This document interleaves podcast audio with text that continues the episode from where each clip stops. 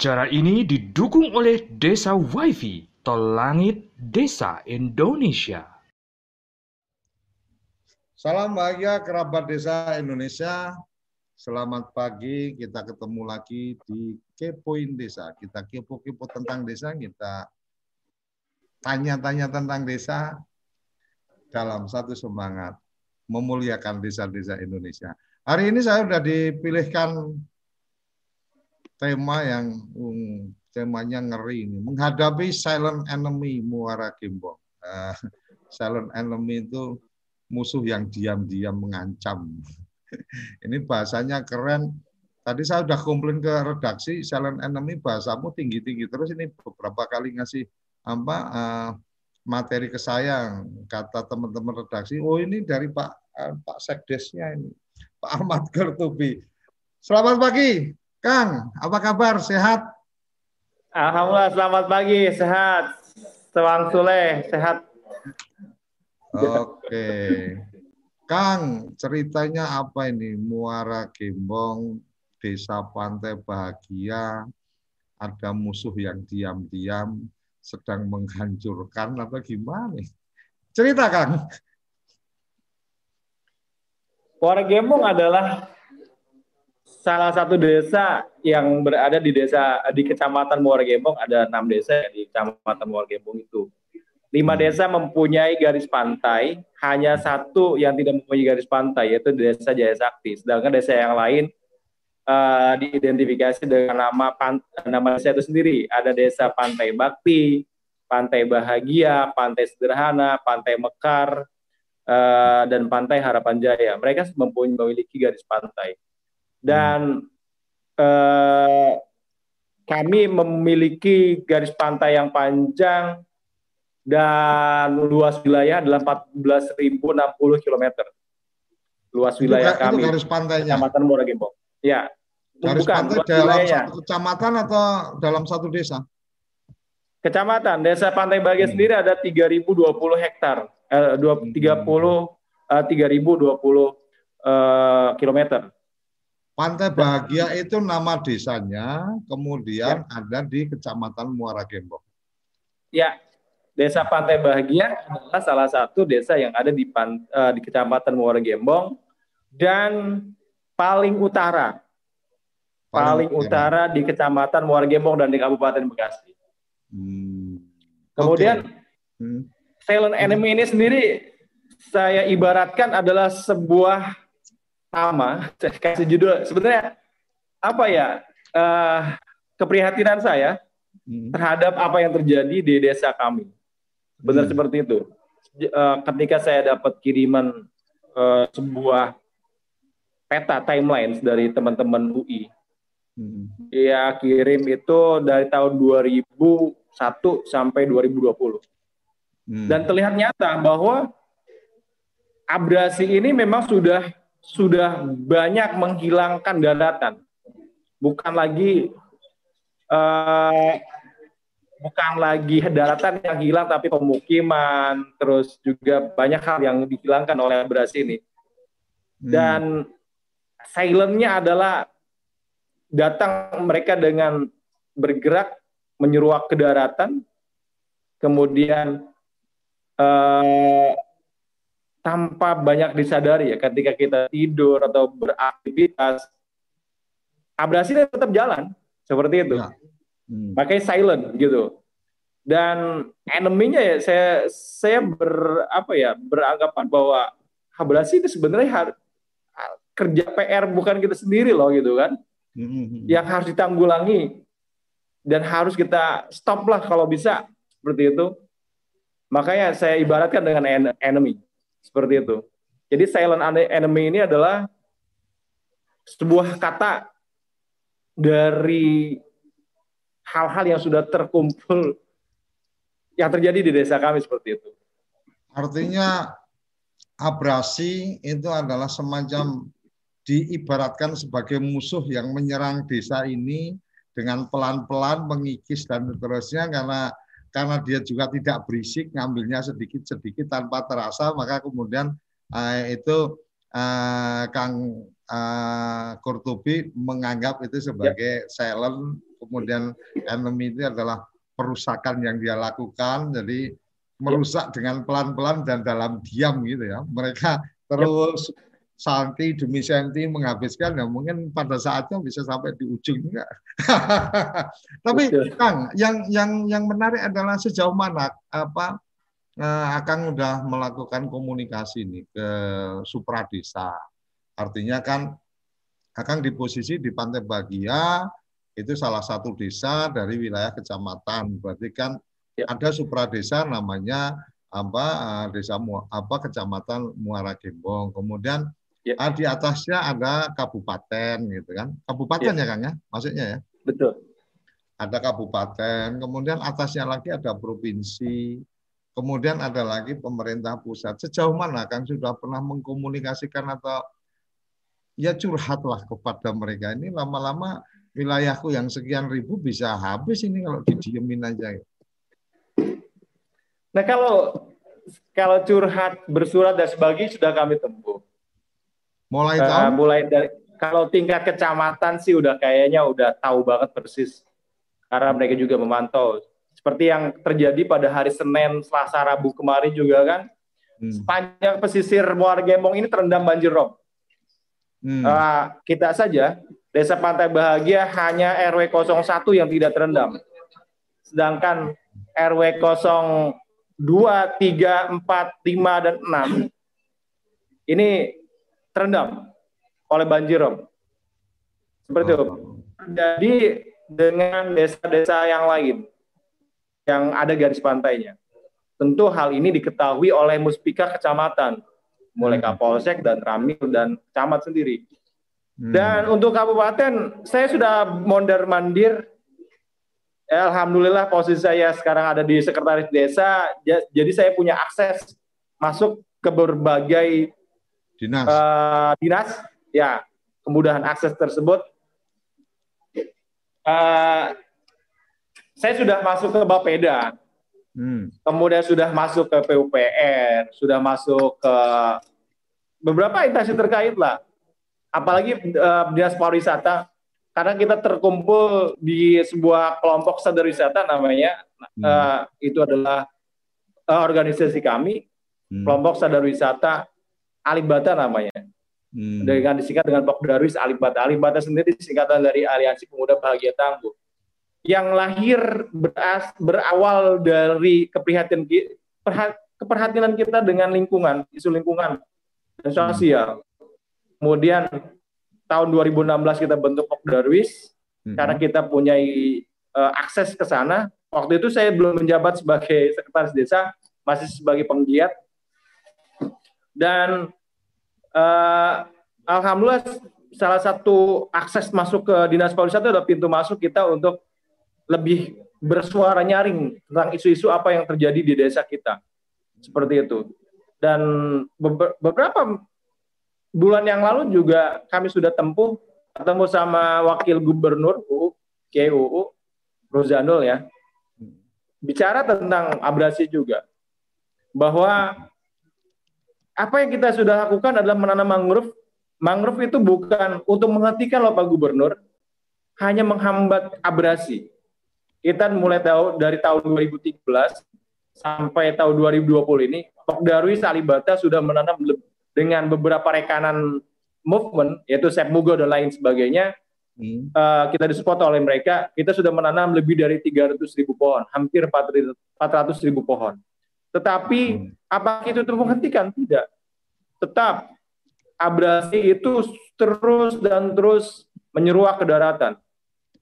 Harapan kami bahwa abrasi ini bisa dihentikan dengan apa? Salah satu cara yang paling cepat adalah pembuatan apa secara permanen. Ya entah pakai sipel atau pakai apa pun. Tentunya kalau pemerintah itu berniat untuk menghentikan ini, pasti mereka mampu dengan pembiayaan yang tepat seperti itu.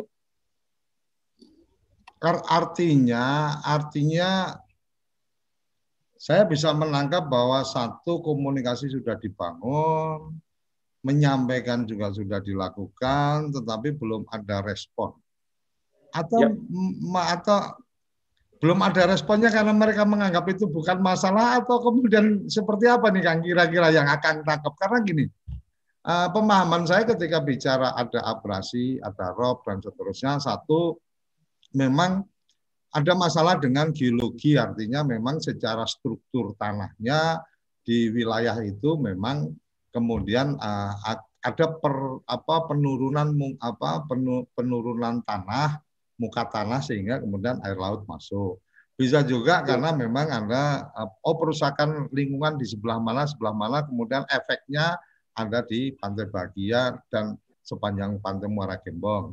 Kemudian uh, bisa juga karena memang oh ada uh, pembangunan infrastruktur di mana yang kemudian uh, berakibat pada perubahan apa arus apa uh, arus arus laut itu apa aliran air laut itu kemudian uh, berakibat pada pengikisan atau menjadikan apa uh, garis pantainya semakin menjorok ke dalam dan seterusnya. Yang yang seperti ini pernah ada pernah ada diskusi atau pernah ada kemudian yuk oh ini dari lingkungan hidup itu menengare akibat apa dan seterusnya. Yuk kita cari jalan keluar dan seterusnya. Gimana Kang? Aku pengen dengar ini secara proses uh, akan sebagai penggiat Pok Darwis yang kemudian pasti beraktivitas ekonomi di pantai, teman-teman di sana, kemudian ada ada masalah, kemudian uh, itu coba dikomunikasikan dan seterusnya. Ceritanya kayak apa? Biar kerabat desa uh, mengikuti betul bahwa ada proses yang sudah dilakukan tapi supra desa kurang perhatian ini jadi catatan bersama. Nah, kita juga apa bisa apa mencoba oh mencarikan jalan keluar apa mungkin ada ada apa ada yang kita bisa bantu ke komunikasikan ke siapa dan seterusnya. Silakan Kak. Diskusi-diskusi tentang uh, abrasi ini memang sudah kita lakukan di berbagai eh, event-event, uh, tetapi belum mampu mengikut sertakan stakeholder yang ada. Hmm. Hanya diskusi dari panel-panel mahasiswa, penggiat-penggiat uh, lingkungan. Sedangkan untuk diskusi resmi dengan pemerintah itu belum ada. Kita oh. baru suon, baru kita mengajukan proposal. Uh, perencanaan-perencanaan dari desa dan kecamatan pun sudah kita lakukan, seperti pembangunan apa dan sebagainya kita sudah masukkan ke dalam Serembang. Hmm. Tapi ini lagi-lagi belum ada tanggapan dari pemerintah. Yang sekarang yang kita bisa lakukan adalah ya tadi kita terus menanam mangrove hmm. agar abrasi ini tidak terlalu cepat menyeruak darat. Agar abrasi ini tidak apa ya? Tidak terlalu cepat menghilangkan daratan-daratan yang ada dan ada, kami juga menyederhanakan dari, ya, dari terus pembangunan infrastruktur. Dari diskusi-diskusi itu, itu uh, pernah terungkap mungkin pernah terungkap oh ada satu apa oh, di daerah mana ada pengurukan uh, pan, apa pantai sehingga kemudian apa uh, efeknya berasa sampai di wilayah Muara Gembong. Atau mungkin ada dari karena kan sekarang ini yang lagi keren-kerennya kan ada pentaholik atau apa kan gitu ada masyarakat ada pemerintah ada akademisi ada ada media dan seterusnya. Mungkin ini bagian aku sebenarnya pengennya ngelihat lihat Akang ini sebagai bagian pemerintah tapi ketika pemerintah di tingkat desa yang tidak bisa apa banyak berbuat dan banyak berkomunikasi dengan supra desa kan aku lebih suka melihat uh, Akang ini bukan sebagai sekdes dari Pantai Bahagia dari bagian pemerintah tapi lebih pada masyarakat gitu kan masyarakat apa uh, Darwis lah akan lebih enak kayak gitu karena kalau kalau kita ngomong pentaholik kemudian ada ada masyarakat gitu kan ada masyarakat ada pemerintah kemudian akan diposisikan ke pemerintah kan pertanyaannya gimana ceritanya pemerintah sendiri nggak bisa nggak bisa komunikasi dengan pemerintah yang lebih tinggi kan repot juga. Jadi mungkin ini antara masyarakat sama media mungkin ya. Akan melihatnya harus seperti apa ini apa respon dari apa dari pemerintah ya. Walaupun sebenarnya kan posisinya di pemerintah. Negara harus hadir. Negara harus hadir, negara kecilnya balik lagi. Ngomong ke Akang ini ngomong sekdes, tapi juga ngomong Pak Darwis gitu kan negara harus hadir ketika negara harus harus hadir negara paling kecil itu desa lah. Ketika akan sudah hadir di situ terus what next gitu ayo kang curhat aja nggak apa-apa. Tumpahkan semua sehingga di forum ini kita bisa apa apa terungkap bahwa bagaimana keresahan dari seorang apa Kurtubi yang sekdes yang juga Pok Darwis ini uh, tersampaikan dan apa uh, acara ini juga apa kita distribusikan ke para pihak termasuk teman-teman dari kementerian yang kita ada kontak juga kita share sehingga siapa tahu mereka mendengar melihat dan kemudian oh ini apa kita perlu turun untuk ketemu sama Kang Kurtubi dan teman-teman yang lain untuk kemudian mencoba membantu memberikan solusi. Atau bisa jadi ada pihak swasta artinya kan media swasta pemerintah masyarakat ini bagian yang kemudian oh pihak swasta atau uh, pihak bisnis melihatnya bahwa karena wilayah ini wilayah yang mungkin masuk dalam wilayah yang kemudian harus ada CSR dari mereka, mungkin ada CSR bisa masuk untuk membantu dan seterusnya. Silakan Kang. Dari obrolan ke teman-teman dan juga diskusi-diskusi yang pernah ada, apa sebenarnya yang harus dilakukan atau yang mungkin perlu mendapat dukungan dari para pihak? Ya, Sebenarnya obrolan-obrolan simpulan-simpulan yang sudah kita petik dari diskusi-diskusi panjang. Ya seperti tadi yang saya ceritakan bahwa kita bergerak itu mulai dari tahun 2013 sampai hari ini. Ya kuncinya adalah untuk meletakkan tanggung jawab untuk penanggulangan abrasi ini adalah di pemerintah. Karena kami sebagai penggiat uh, lingkungan tidak mampu cukup uh, mampu untuk pembiayaan pengadaan APO. Hmm. Seperti itu secara permanen. Dan ketika kami diskusi dengan pihak kabupaten pun dalam hal ini Bapeda, Bapeda dan beberapa instansi yang lain, dinas-dinas yang lain, bahwa kewenangan garis pantai ini adalah kewenangan provinsi. Hmm. Seperti itu, garis pantai ini adalah kewenangan provinsi. Dan provinsi ini uh, ketika mereka datang ke kita, pada saat 2000 tahun eh, tahun 2018 datang ke kita dan ada potensi wisata memang di kita itu namanya Pantai Beting. Mereka lihat, mereka pantau beberapa kali survei dan akhirnya mereka setuju untuk membangun wisata kawasan kawasan wisata. Hmm. Tetapi belakangan kawasan wisata ini ditarik uh, kemudian dipindah alihkan ke desa lain. Hmm. Karena mereka bilang bahwa terlalu besar kosnya untuk membangun wisata di di tempat tersebut di Pantai Beting. Dan selain di pantai yang abrasi sebenarnya isunya Mas Mas Suryo bahwa kita juga ada hewan di kita ini ada primata yang dilindungi yaitu hmm. lutung Jawa.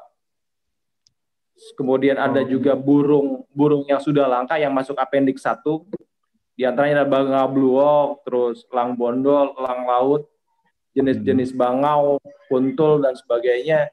Ini mereka banyak mendiami hutan mangrove yang ada di muara Sungai Citarum.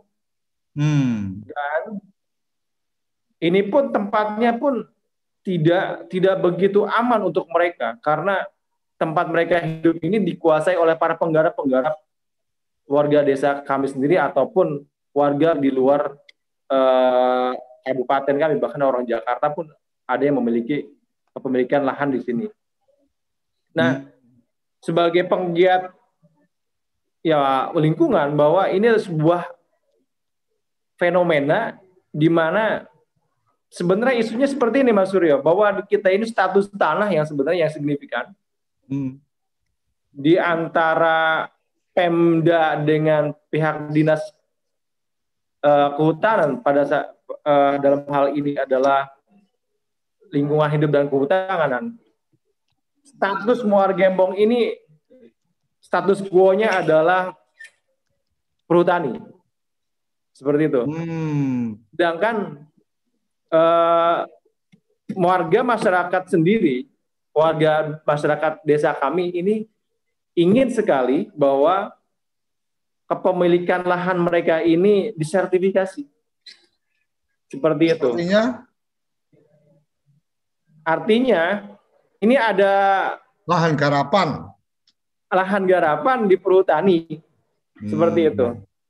Jadi status-status ini yang membuat Pemda juga tidak begitu berani untuk melakukan eksekusi-eksekusi yang harus dilakukan Hmm. dalam hal ini Pemda Kabupaten.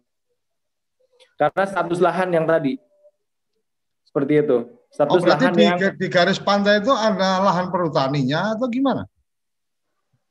bukan di garis pantainya aja Mas Suryo, tetapi di wilayah kami ini Desa Pantai Bahagia yang saya bilang Hmm. hanya kurang lebih dari 10% yang dimiliki oleh mempunyai girik sertifikat Hmm. hanya sekitar 4%, lebihnya adalah perhutanan status tanahnya. Dan Enggak, Ketika enggak, kita enggak termasuk menanam- yang kemarin kemarin presiden bagi-bagi tanah dan sertifikat itu termasuk juga di Muara Gembong kah? ya betul, itu ada di Desa Pantai Bakti. Oh, Yang hutan sosial itu. Pantai Bakti. Pantai Ya, Bagia sebelah. enggak dapat bagian itu. Nggak ada. Persis di sebelah desa kami di perbatasan.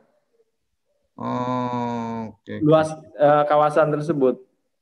Hmm. Nah, dari dari isu-isu tadilah bahwa akhirnya masyarakat tuh enggan gitu untuk eh, melakukan penghijauan dengan menanam. Tetapi ketika kita memulai mulai dari tahun 2013 bahwa sudah nampaklah abrasi ini, Hmm. datanglah teman-teman dari kabupaten dan kota pemuda-pemuda yang sangat luar biasa menurut saya. Mereka adalah inisiatornya memulai untuk menanam mangrove di tempat kami. Tentu Pak, kontranya tuh lebih besar daripada yang pro-nya. Karena masyarakat sedang berjuang untuk mensertifikasi tanah mereka menjadi hak milik mereka. Hmm. Sedangkan ada orang lain, orang luar yang datang menanam mangrove, yang notabene menanam mangrove itu, menanam pohon itu adalah pekerjaannya dari dinas eh, dari kehutanan, perhutani dalam hal ini. Maka ada pro kontra di situ.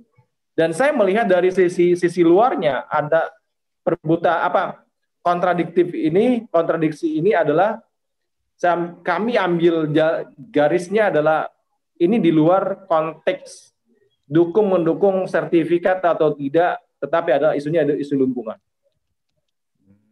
Kami ada putra daerah sendiri, akhirnya ikut serta dalam dalam kegiatan tersebut.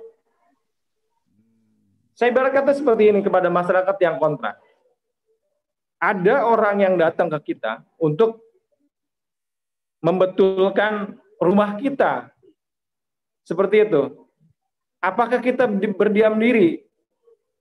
Orang datang bawa kayu, bawa paku, bawa alat-alat untuk membenerin rumah kita yang sudah doyong dan reot, terus Hmm. kita halang-halangi. Hmm. Seperti itu. Paling tidak kita bisa membantu mensupportnya agar rumah kita ini bagus kembali. Dan akhirnya berjalannya waktu ya masyarakat juga mengerti dan paham bahwa yang kita lakukan bahwa ini bukan bagian dari perhutani, ini murni dari teman-teman penggiat lingkungan agar abrasi tidak terus menyeruak ke daratan. Dan impactnya hari ini masyarakat di Kampung Beting alhamdulillah mereka banyak memberikan kesaksian bahwa ketika ada banjir rob yang sangat luar biasa tinggi pada bulan Juni kemarin, alhamdulillah kita dibentengi oleh mangrove-mangrove yang ada di belakang belakang rumah kami. Kalau tidak ada Hmm. mangrove tersebut, tentu eh, ombak dan arus itu sampai ke, ke dalam rumah kami. Seperti itu. Itu yang ada di RW 02. 02 RT nya- eh, RT 1 sampai 5. Apalagi di RT 05 yang persis berhadapan dengan laut. Seperti itu. Yang daratannya hilang setiap tahunnya itu sekitar 20 meteran setiap tahunnya. Daratan mereka hilang. Seperti itu. Oke Kang, sekarang sekarang aku coba apa uh, coba apa mengurai untuk kemudian link up-nya ke mana gitu ya.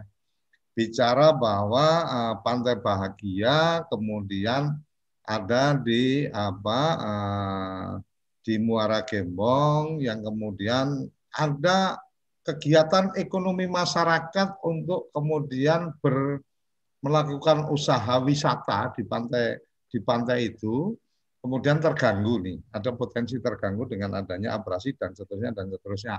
Artinya Anda dalam tanda petik gangguan uh, yang uh, tadi disampaikan sebagai silent enemy ini itu untuk apa bagaimana masyarakat berbisnis kan gitu usaha masyarakat. Artinya kemudian itu terkait dengan pemberdayaan masyarakat. Artinya itu terkait dengan kementeri, kalau link up sampai mentok di atasnya walaupun komitmen uh, komitmen presiden kan jelas nih negara harus hadir kan gitu nah kalau me, kalau bicara pemberdayaan masyarakat di desa Pantai Bahagia maka kemudian ini masuknya ke Kementerian Desa umpamanya ini ini nanti ada bagian lain ke kementerian lain. Sejauh mana akan sudah mengkomunikasikan dari, dari tingkat desa ini ke kecamatan, kabupaten, mungkin ke uh, dinas pemberdayaan masyarakat desa setempat, kemudian di provinsi ke dinas pemberdayaan masyarakat desa atau mungkin dengan apa uh, badan pemberdayaan masyarakat, aku nggak ngerti leveling di provinsi, tapi kalau di tingkat pusat di Kementerian Desa. Sejauh mana komunikasi supra desa uh, yang sudah akan lakukan untuk link yang ini? Nah, untuk link-link yang sudah ada, seperti yang saya sebutkan tadi Dinas Pariwisata sudah mensupport kita dari sejak tahun 2016. Hmm. Kemudian ada Dinas PMD, Pemberdayaan hmm. Masyarakat dan Desa. Hmm. Ini alhamdulillah dipimpin oleh sekarang ini di Kabupaten Bekasi kepala dinasnya adalah Ibu Haja Ida Farida. Hmm. Beliau ini sangat support sekali. Hmm pada saat bulan Juli kemarin ada datang Wamendes ke kita. Hmm. Uh, Wamendes ya Pak Pak Heri. Pak Anu Ari. Ya, Bu Kadis ini sangat support kos. Hmm. Uh, kita di, di sini ini adalah blind spot sinyal. Hmm. Nah, diusulkanlah sebagai desa kita oleh Bukadis dalam hal ini untuk menjadi daerah yang melek internet. Maka hmm. kita di, di uh, diarahkan untuk membangun menara signal penguat internet hmm. dan siapa yang bangun? Uh, ini sudah kita lakukan upaya-upaya tentu upaya-upaya tersebut dan difasilitasi oleh Wamendes sendiri. Kemudian Bu Ida juga ini me menghadirkan rekanan jawatannya. Hmm. Uh, jawatannya ini rekanannya diundang ke, ke desa kami agar melihat secara persis bagaimana keadaan desa kami. Dinas-dinas yang lain diajak sama mereka. Hmm. Apa yang lo bisa bikin di sini bahasa bahasa Betawi gitu. Eh, saya sudah melakukan ABCD, ayo bantuin saya. Ini Muara Gembong paling utara loh, seperti itu. Ayo hmm. bantuin saya. Itu kalimatnya Bu Ida. Hmm. Dalam hal ini sebagai kepala dinas uh, pemberdayaan masyarakat dan desa. Jadi support dari kabupaten memang sudah kami dapati sebenarnya tinggal implementasi fakta, apa secara secara fakta kegiatan-kegiatan ini akan bilang support sudah tapi secara fakta. Satu ini jadi catatan buat aku. Artinya maksudnya apa ini? Ketika kemudian secara fakta artinya ada bagian yang belum terrealisasi atau bagaimana itu yang yang kedua mungkin lebih pada yang tadi disampaikan support kemudian membangun apa tower dan seterusnya itu kan nggak nggak terkait dengan apa silent enemy-nya tadi yang terkait dengan silent enemy-nya kayak apa nih kan Artinya gini, isu-isu yang ada di desa kami, hmm. ini bukan kewenangan dari pemberdayaan masyarakat desa, dinasnya. Seperti itu. Jadi, uh, kewenangan-kewenangan ini adalah di, di di, di di meja yang lain. Maka dalam hal ini Ibu Kadis dalam hal ini Bu Haji Ida mengajak rekanan tersebut, lihatlah apa yang terjadi di sini dan apa yang Anda bisa lakukan di sini. Tapi Pak Wamen sampai di situ ini. kan uh, Pak Wamen sampai di sana kan uh, satu bagian yang di tingkat pusat dan beliau bisa membantu mengkomunikasikan ke kementerian lain kalau kemudian isu itu ter, terungkap ke Pak Wamen. Disampaikan nggak ke Pak. Wamen ya. bahwa masalah kami salah satunya abrasi. Kalau kalau abrasinya nggak selesai mau dibangun apa untuk keperluan di sini digital kah mau dibangun di sini wisata yang apa yang aduhai pun ya pada akhirnya juga akan habis juga kan gitu. Ini sudah kami sampaikan hmm. walaupun tidak secara eksplisit ya tidak tidak terlalu panjang karena hmm. pada saat itu adalah kunjungan ini bagaimana uh, tingkat ekonomi di desa ketika saat pandemi seperti itu.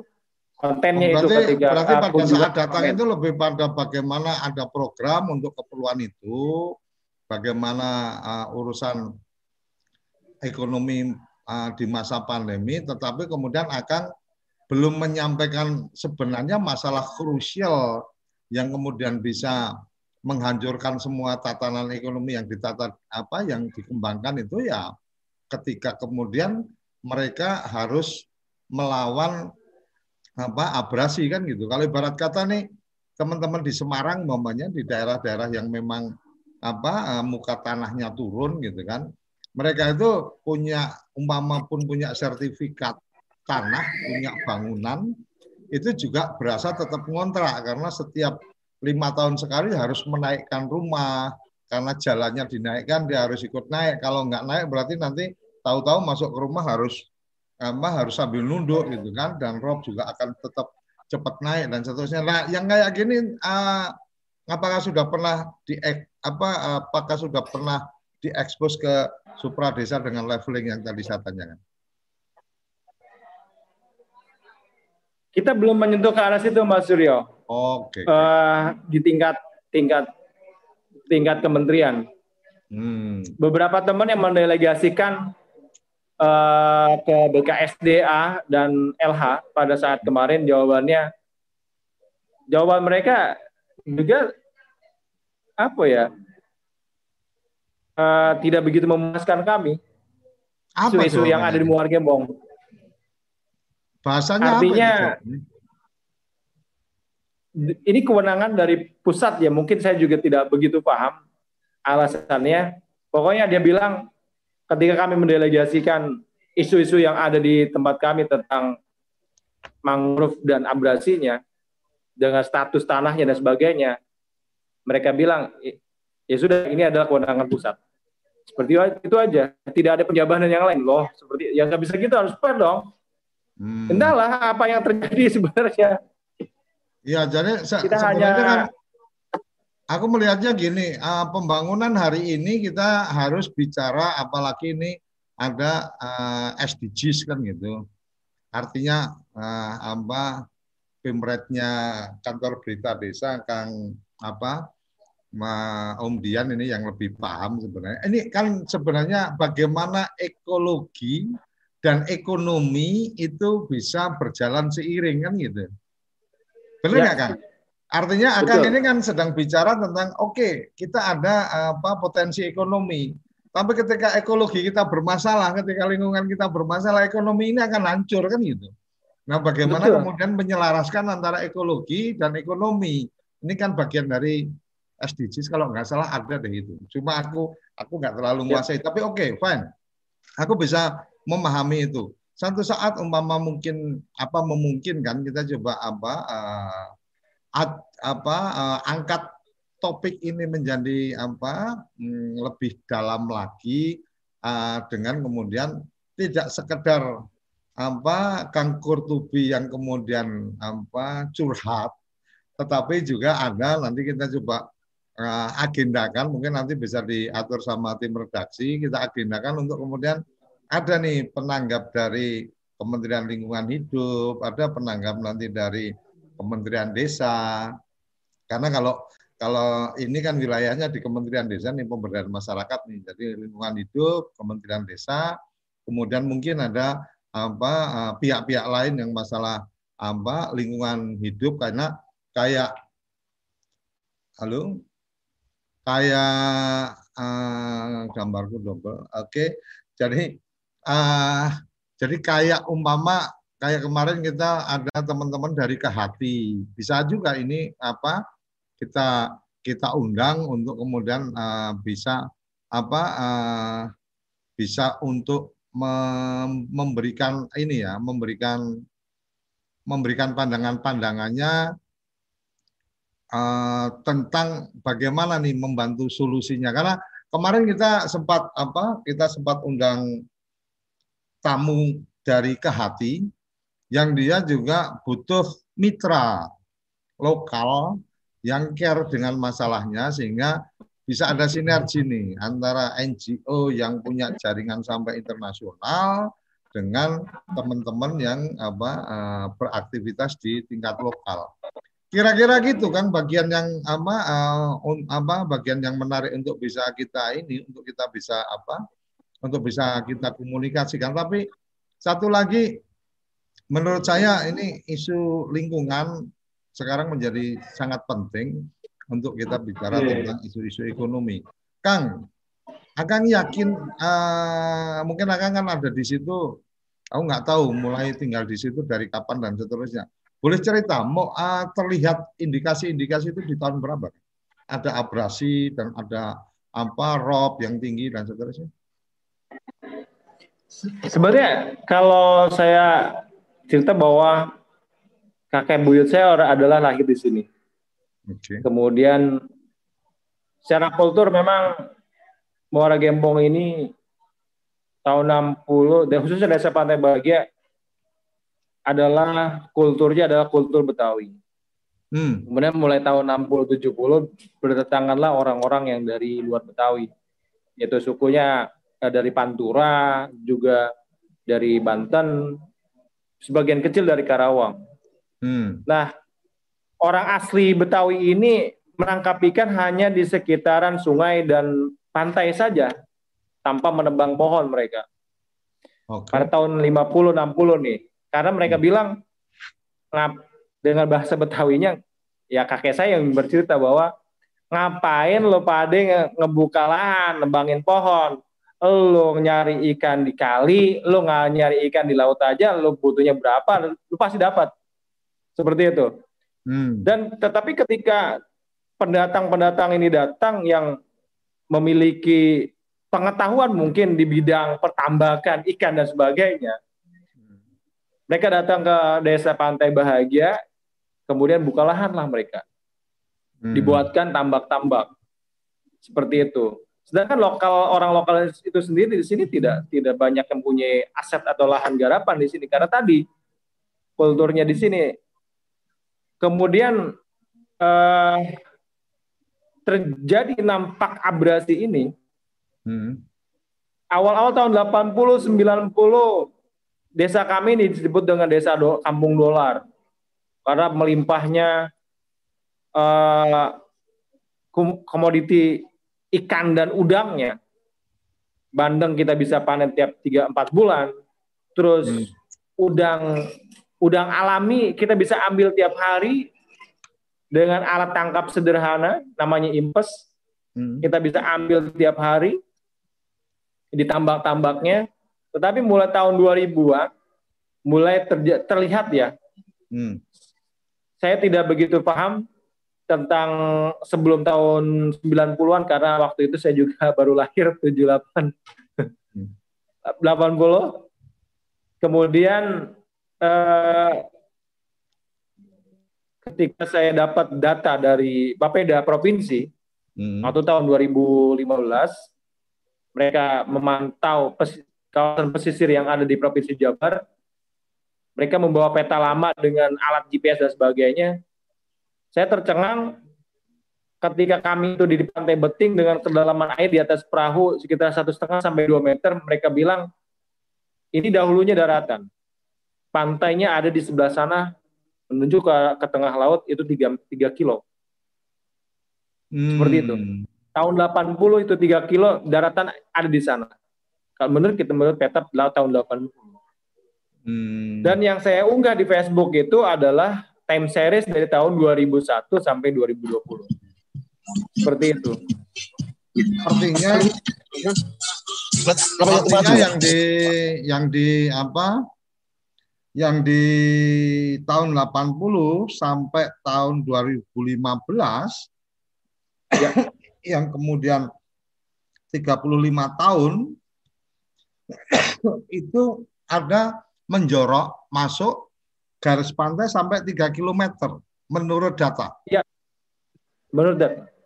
Oh, artinya memang pergerakan itu ada pergerakan alam yang kemudian masuk taruh kata kalau kita kita bikin matematika sederhana aja 3 km ya. itu uh, masuk dalam waktu 35 tahun berarti 100 meter per tahun ngeri juga ini. Iya, 100 meter per tahun ya. Taruh 35 oh. eh, 3 km uh, selama 35 tahun berarti entar, entar biar nggak salah hitung 3000 dibagi 35 gitu kan. Iya, ini 30 per apa 35 ya hampir hampir ngeri juga ini kan. Luar biasa artinya ma masuknya ke apa? Masuknya ke masuknya ke, ke pantai apa dari apa uh, garis pantai itu masuk ke dalam ya memang berarti secara proses dari tahun 80 sampai 2015 ada sudah terdetek. Tapi kalau dari cerita Akang tahun 80, 90 itu bagaimana perilaku masyarakat dan seterusnya, mungkin Anda dulu zaman tahun 80-an mungkin hutan mangrove-nya masih sangat luar biasa. Kemudian hmm. habis itu orang pada berdatangan, orang uh, kalau zaman dulu sih orang ibarat kata orang mancing aja kalau ikan kecil juga apa sebenarnya tidak jadi target mereka kan gitu malah dibalikin yeah. lagi atau kemudian dia tidak ambil kemudian ketika kemudian butuh ikan ya yang ngambil secukupnya aja tidak kemudian maruk kemudian disimpan di kulkas dan seterusnya kan gitu artinya Betul. memang kerakusan manusia juga ini yang merusak alam gitu kan. Betul. apalagi kemudian lahan-lahan berubah nih. Ah, yang akan tadi cerita tadinya oh, mungkin di situ teman-teman dari Betawi yang kemudian menjaga lingkungan, kemudian banyak pendatang, mungkin pendatang sudah tidak mengikuti lagi apa-apa adat tradisi atau kebiasaan yang ada di situ, yang biasanya apa tidak memperbolehkan motong pohon juga lang, pada motong pohon, mungkin tambah lagi apa uh, uh, sedimentasi dari sungai-sungai itu dan seterusnya luar ya. biasa tapi menarik Kang ini akan membuat satu apa status tentang silent enemy ini memang luar biasa. Kang, uh, kita akan jeda, habis itu kita akan ngobrol lagi ya Kang. Jangan ke mana-mana kerabat desa, kita akan jeda sesaat untuk kemudian kita kembali lagi di kepoin desa kita, kepo-kepo tentang desa dalam satu semangat memuliakan desa-desa di Indonesia. Kamu tinggal di pulau terpencil, pegunungan pinggiran kota, atau daerah di Indonesia yang tidak terjangkau jaringan fiber, ADSL, dan juga 3G. Internetan dengan cepat pasti cuma akan menjadi mimpi. Mau pakai tol langit, pakai desa wifi, kunjungi www.desawifi.id.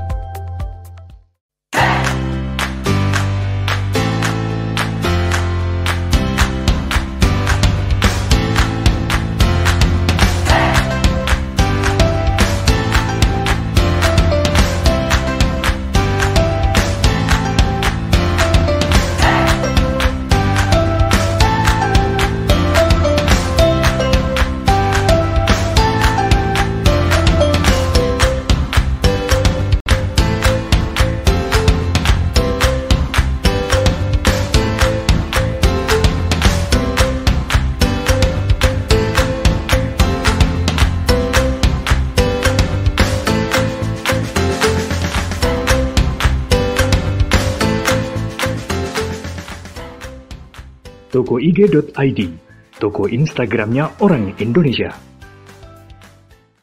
Ayo, kandidat kepala daerah, manfaatkan kesempatan ini. TV Desa mengundang Anda bicara desa. 5 menit bisa. Bicara Desa.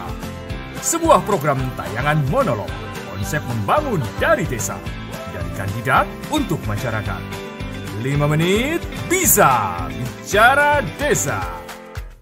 Hanya di TV Desa.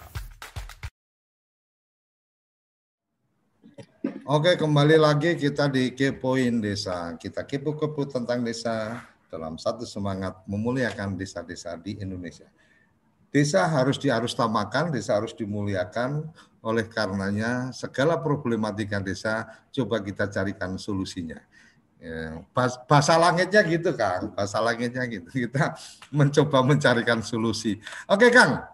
Uh, mungkin ketika sudah ada kunjungan Pak Wamen, di Desa Akang walaupun mungkin agendanya adalah bagaimana desa digital atau smart village atau apa pun itu karena kemudian lanjutannya kan bangun tower kan gitu.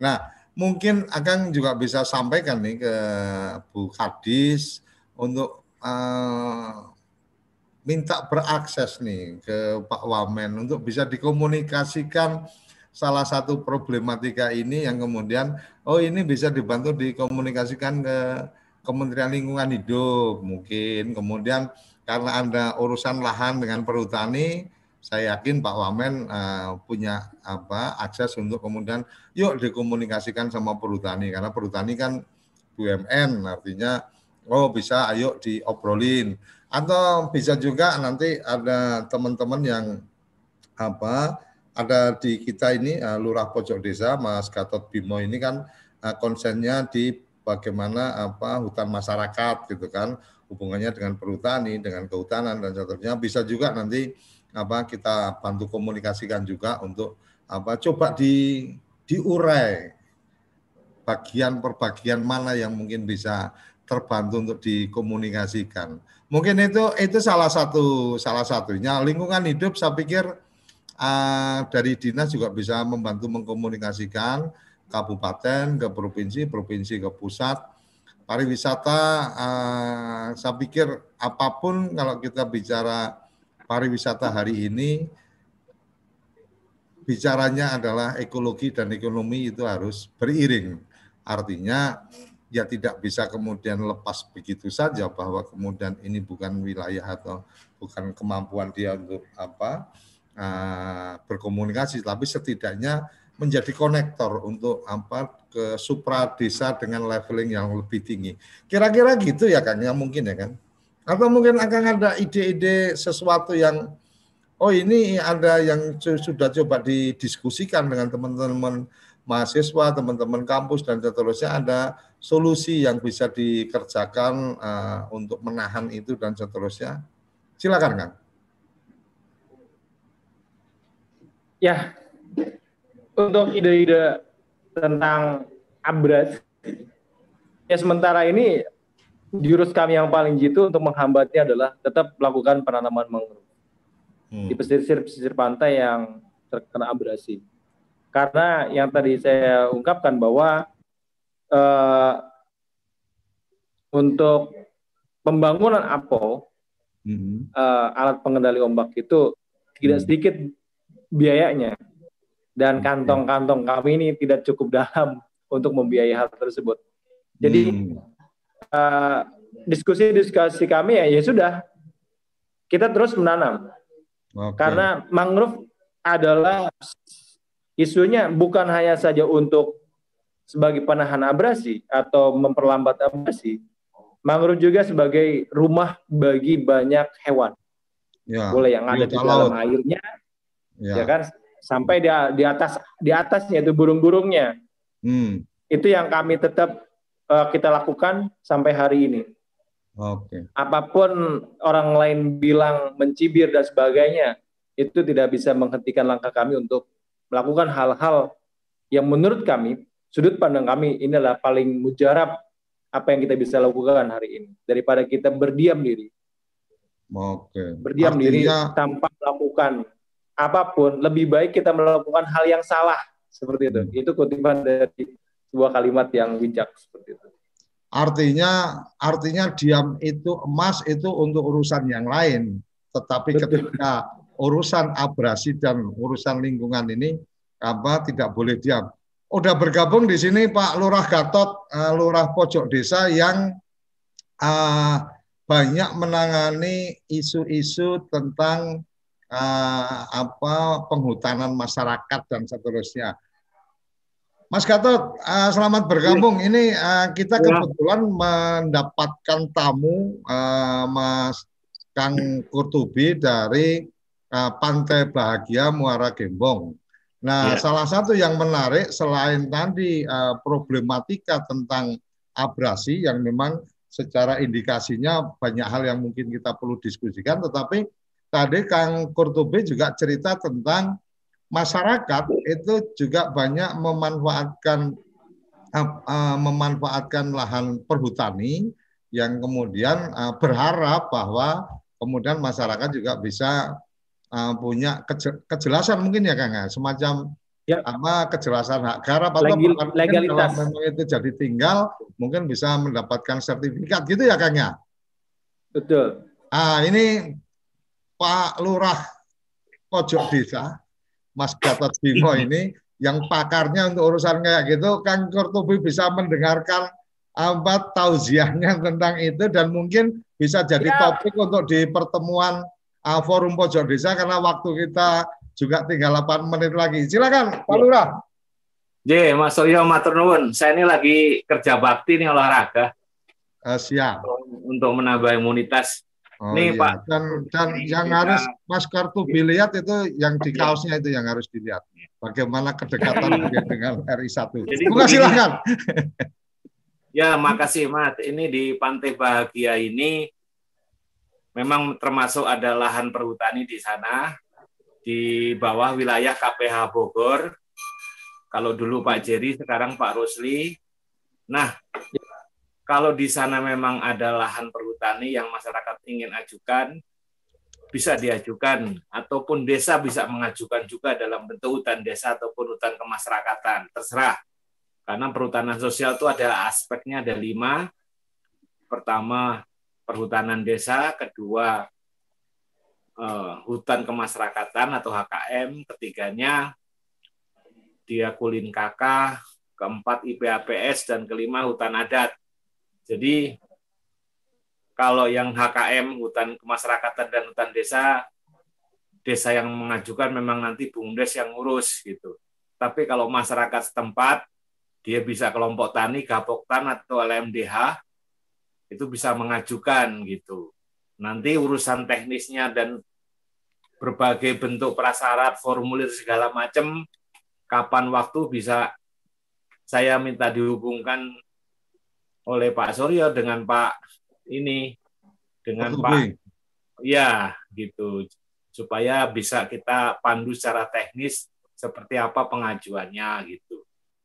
Karena salah satu yang sudah berhasil mendapatkan izin itu yang dia masuk di uh, Muara Gembong yang sudah pengembangan udang dan sudah panen juga sudah lumayan udang fanam udang Panam itu satu kilo sampai sembilan ribu dan potensinya ekspor. Nah, kenapa di desa bahagia juga nggak bisa karena satu garis gitu. Nah, itu harus nanti kurang lebih kami bisa mendampingi lah soal itu Pak Suryo. Begitu Pak Kurtub ini waktunya sedikit juga ya. Oke. Masih masih ada enam menit. Jadi gini, Ma Kang Kurtubi, Mas Gatot, ini uh, istimewanya Kepoin Desa. Jadi karena apa kekuatannya adalah kekuatan persaudaraan ini. Ketika tadi di tengah obrolan kita kok ada menyinggung masalah apa lahan dan seterusnya, ada perhutani dan seterusnya. Walaupun tadi saya nggak mengeksplor itu panjang, tapi saya langsung berkirim kabar ke lurah pojok desa karena saya tahu lurah pojok desa paham urusannya gini. Dan alhamdulillah uh, Mas Gatot bisa bergabung nanti apa uh, melalui uh, tim redaksi kita akan di apa di share nomornya Mas Gatot ke Mas Ya. uh, ke Kang Kurtubi dari Ya. nomornya Kang Kurtubi kita kirim ke Mas Gatot. Semoga ada Ya. Sesuatu yang kemudian apa uh, punya nilai positif ya kan, Ya. punya nilai positif Amin. untuk kemudian uh, menemukan jalan. Jadi silent enemy harus dilawan dengan real action kan gitu. Jadi real actionnya kita sudah coba bantu. Kepoin desa dalam satu semangat memuliakan desa-desa di Indonesia salah satunya adalah bagaimana mengkoneksikan problematika dengan solusinya. Jadi bagaimana ketika teman-teman di Pantai Bahagia itu menyampaikan sesuatu kami mencoba mencarikan apa eh, koneksinya ke mana. Akan selesai atau tidak selesai itu bagian yang lain. Selama kita ada usaha semua jalan kita coba lakukan semaksimal yang kita bisa urusan hasil Tuhan punya cerita kan gitu. Artinya artinya eh, ini bagian yang coba kita kerjakan mengkoneksikan pojok desa dengan apa Pantai Bahagia. Pagi ini kita bisa sampaikan. Closing statement silakan Mas Kurtubi. Ya, silent enemy yang seperti tadi diungkapkan oleh Bang Surya harus dilawan dengan action. Apa yang kita lakukan hari ini, semoga ini berdampak baik bagi masyarakat Desa Pantai Bahagia, khususnya umumnya masyarakat yang ada di pesisir-pesisir Pulau Jawa. Eh, karena nasibnya pun tidak berbanding, eh, be- tidak berbeda, berbeda ya. Harapan kami kehadiran pemerintah di sini harus nyata dengan melakukan eh, kegiatan-kegiatan bahwa negara hadir loh, negara ada loh di sini. Tidak hanya kami sebagai penggiat lingkungan yang bergerak, kami juga butuh support itu butuh support dari pemerintah pusat ataupun daerah. Itu saja. Dan semoga pergerakan-pergerakan kita ini bisa terus berjalan sampai diwarisi oleh anak-anak kami. Seperti itu. Ya. Oke, luar biasa. Jadi eh, Mas apa Kang Kurtubi nanti apa koneksi lanjut ke Ma- Pak Lurahnya Pojok Desa. Jadi Pojok Desa ini bukan institusi pemerintah tetapi eh, sama seperti Kang Kurtubi ketika apa kemudian me- bergerak dalam kap, apa eh, ke Pok Darwis dan seterusnya pemberdayaan lingkungan dan seterusnya. Eh, semoga terjalin sinergi yang luar biasa. Nanti coba kita koneksikan juga dengan beberapa pihak yang lain yang mungkin bisa uh, menjadi apa satu peluang untuk semakin mempercepat menyelesaikan problematika. Ma, Mas Gatot, Lurah Pojok Desa, silakan closing walaupun datang terlambat mengikuti sejenak tapi sudah langsung connect silakan memberikan statement yang kemudian mungkin bisa melihat oh ternyata Kepo Indonesia asik juga ini kemudian memberikan solusi-solusi. Silakan Mas Gatot. Ya, Walaupun dia punya dia punya program acara sendiri tapi ini saya undang ke sini juga. Silakan. ya Pak Suryo terima kasih. Eh, saya mungkin satu tujukan juga ke Pak Kurtubi, juga ke teman-teman yang lain. Ini menyangkut satu eh, sebuah upaya desa yang baik, prakasa desa yang baik terhadap satu lingkungan yang ada. Pertama di aspek perhutanan, kedua aspek konservasi. Ini menarik sekali. Pantai Bahagia. Mudah-mudahan nanti bisa berkomunikasi banyak dengan Pak Kurtubi. Kita bisa diskusi langkah yang terbaik untuk apa di sana. Aspek konservasinya segala macam nantinya akan bisa menguntungkan desa juga. Terus kegiatan-kegiatan yang di lingkungan lahan perhutanan bisa dimaksimalkan dalam bentuk hak akses kelola atas lahan selama 35 tahun atau dalam bentuk perhutanan sosial mudah-mudahan bisa di eh, kami bisa jembatani dan bisa melakukan pendampingan di sana. Tentunya nanti saya minta nomornya Pak Kurtubi, nanti bisa diakses lewat redaksi, kita bisa berkomunikasi, dan saya juga bisa berkunjung ke sana. Mungkin Oke. demikian Pak Suryo, terima kasih banyak. Oke, luar biasa. Tepat di penghujung 9.30 kita harus mengakhiri acara kita. Terima kasih Mas Kang Kortubi yang sudah siap berbagi cerita. Dan terima kasih Mas Lurah Gatot, Lurahnya Pojok Desa, Pak Lurah Pojok Desa, yang kemudian dengan serta-merta apa bisa ikut bergabung dan alhamdulillah last minute bisa memberikan apa pencerahan dan ada petunjuk jalan untuk bisa berkolaborasi bersinergi dengan teman-teman di Pantai Bahagia. Sampai di sini kerabat desa Indonesia indahnya pagi ini di Kepoin Desa kita bisa mempertemukan para pihak yang bisa saling bantu. Kita tidak harus kemudian menuntut negara harus hadir, negara harus hadir secara berlebihan, tetapi bagaimana antar kita juga bisa melakukan sinergi kerjasama untuk kemudian ikut meringankan tugas atau apa beban dari negara. Sampai di sini, salam bahagia kerabat desa Indonesia. Terima kasih dan jangan lupa apabila ada ide-ide, saran-saran kirim ke nomor call center apa WA official kami 083 kali 0131 7160. Terima kasih.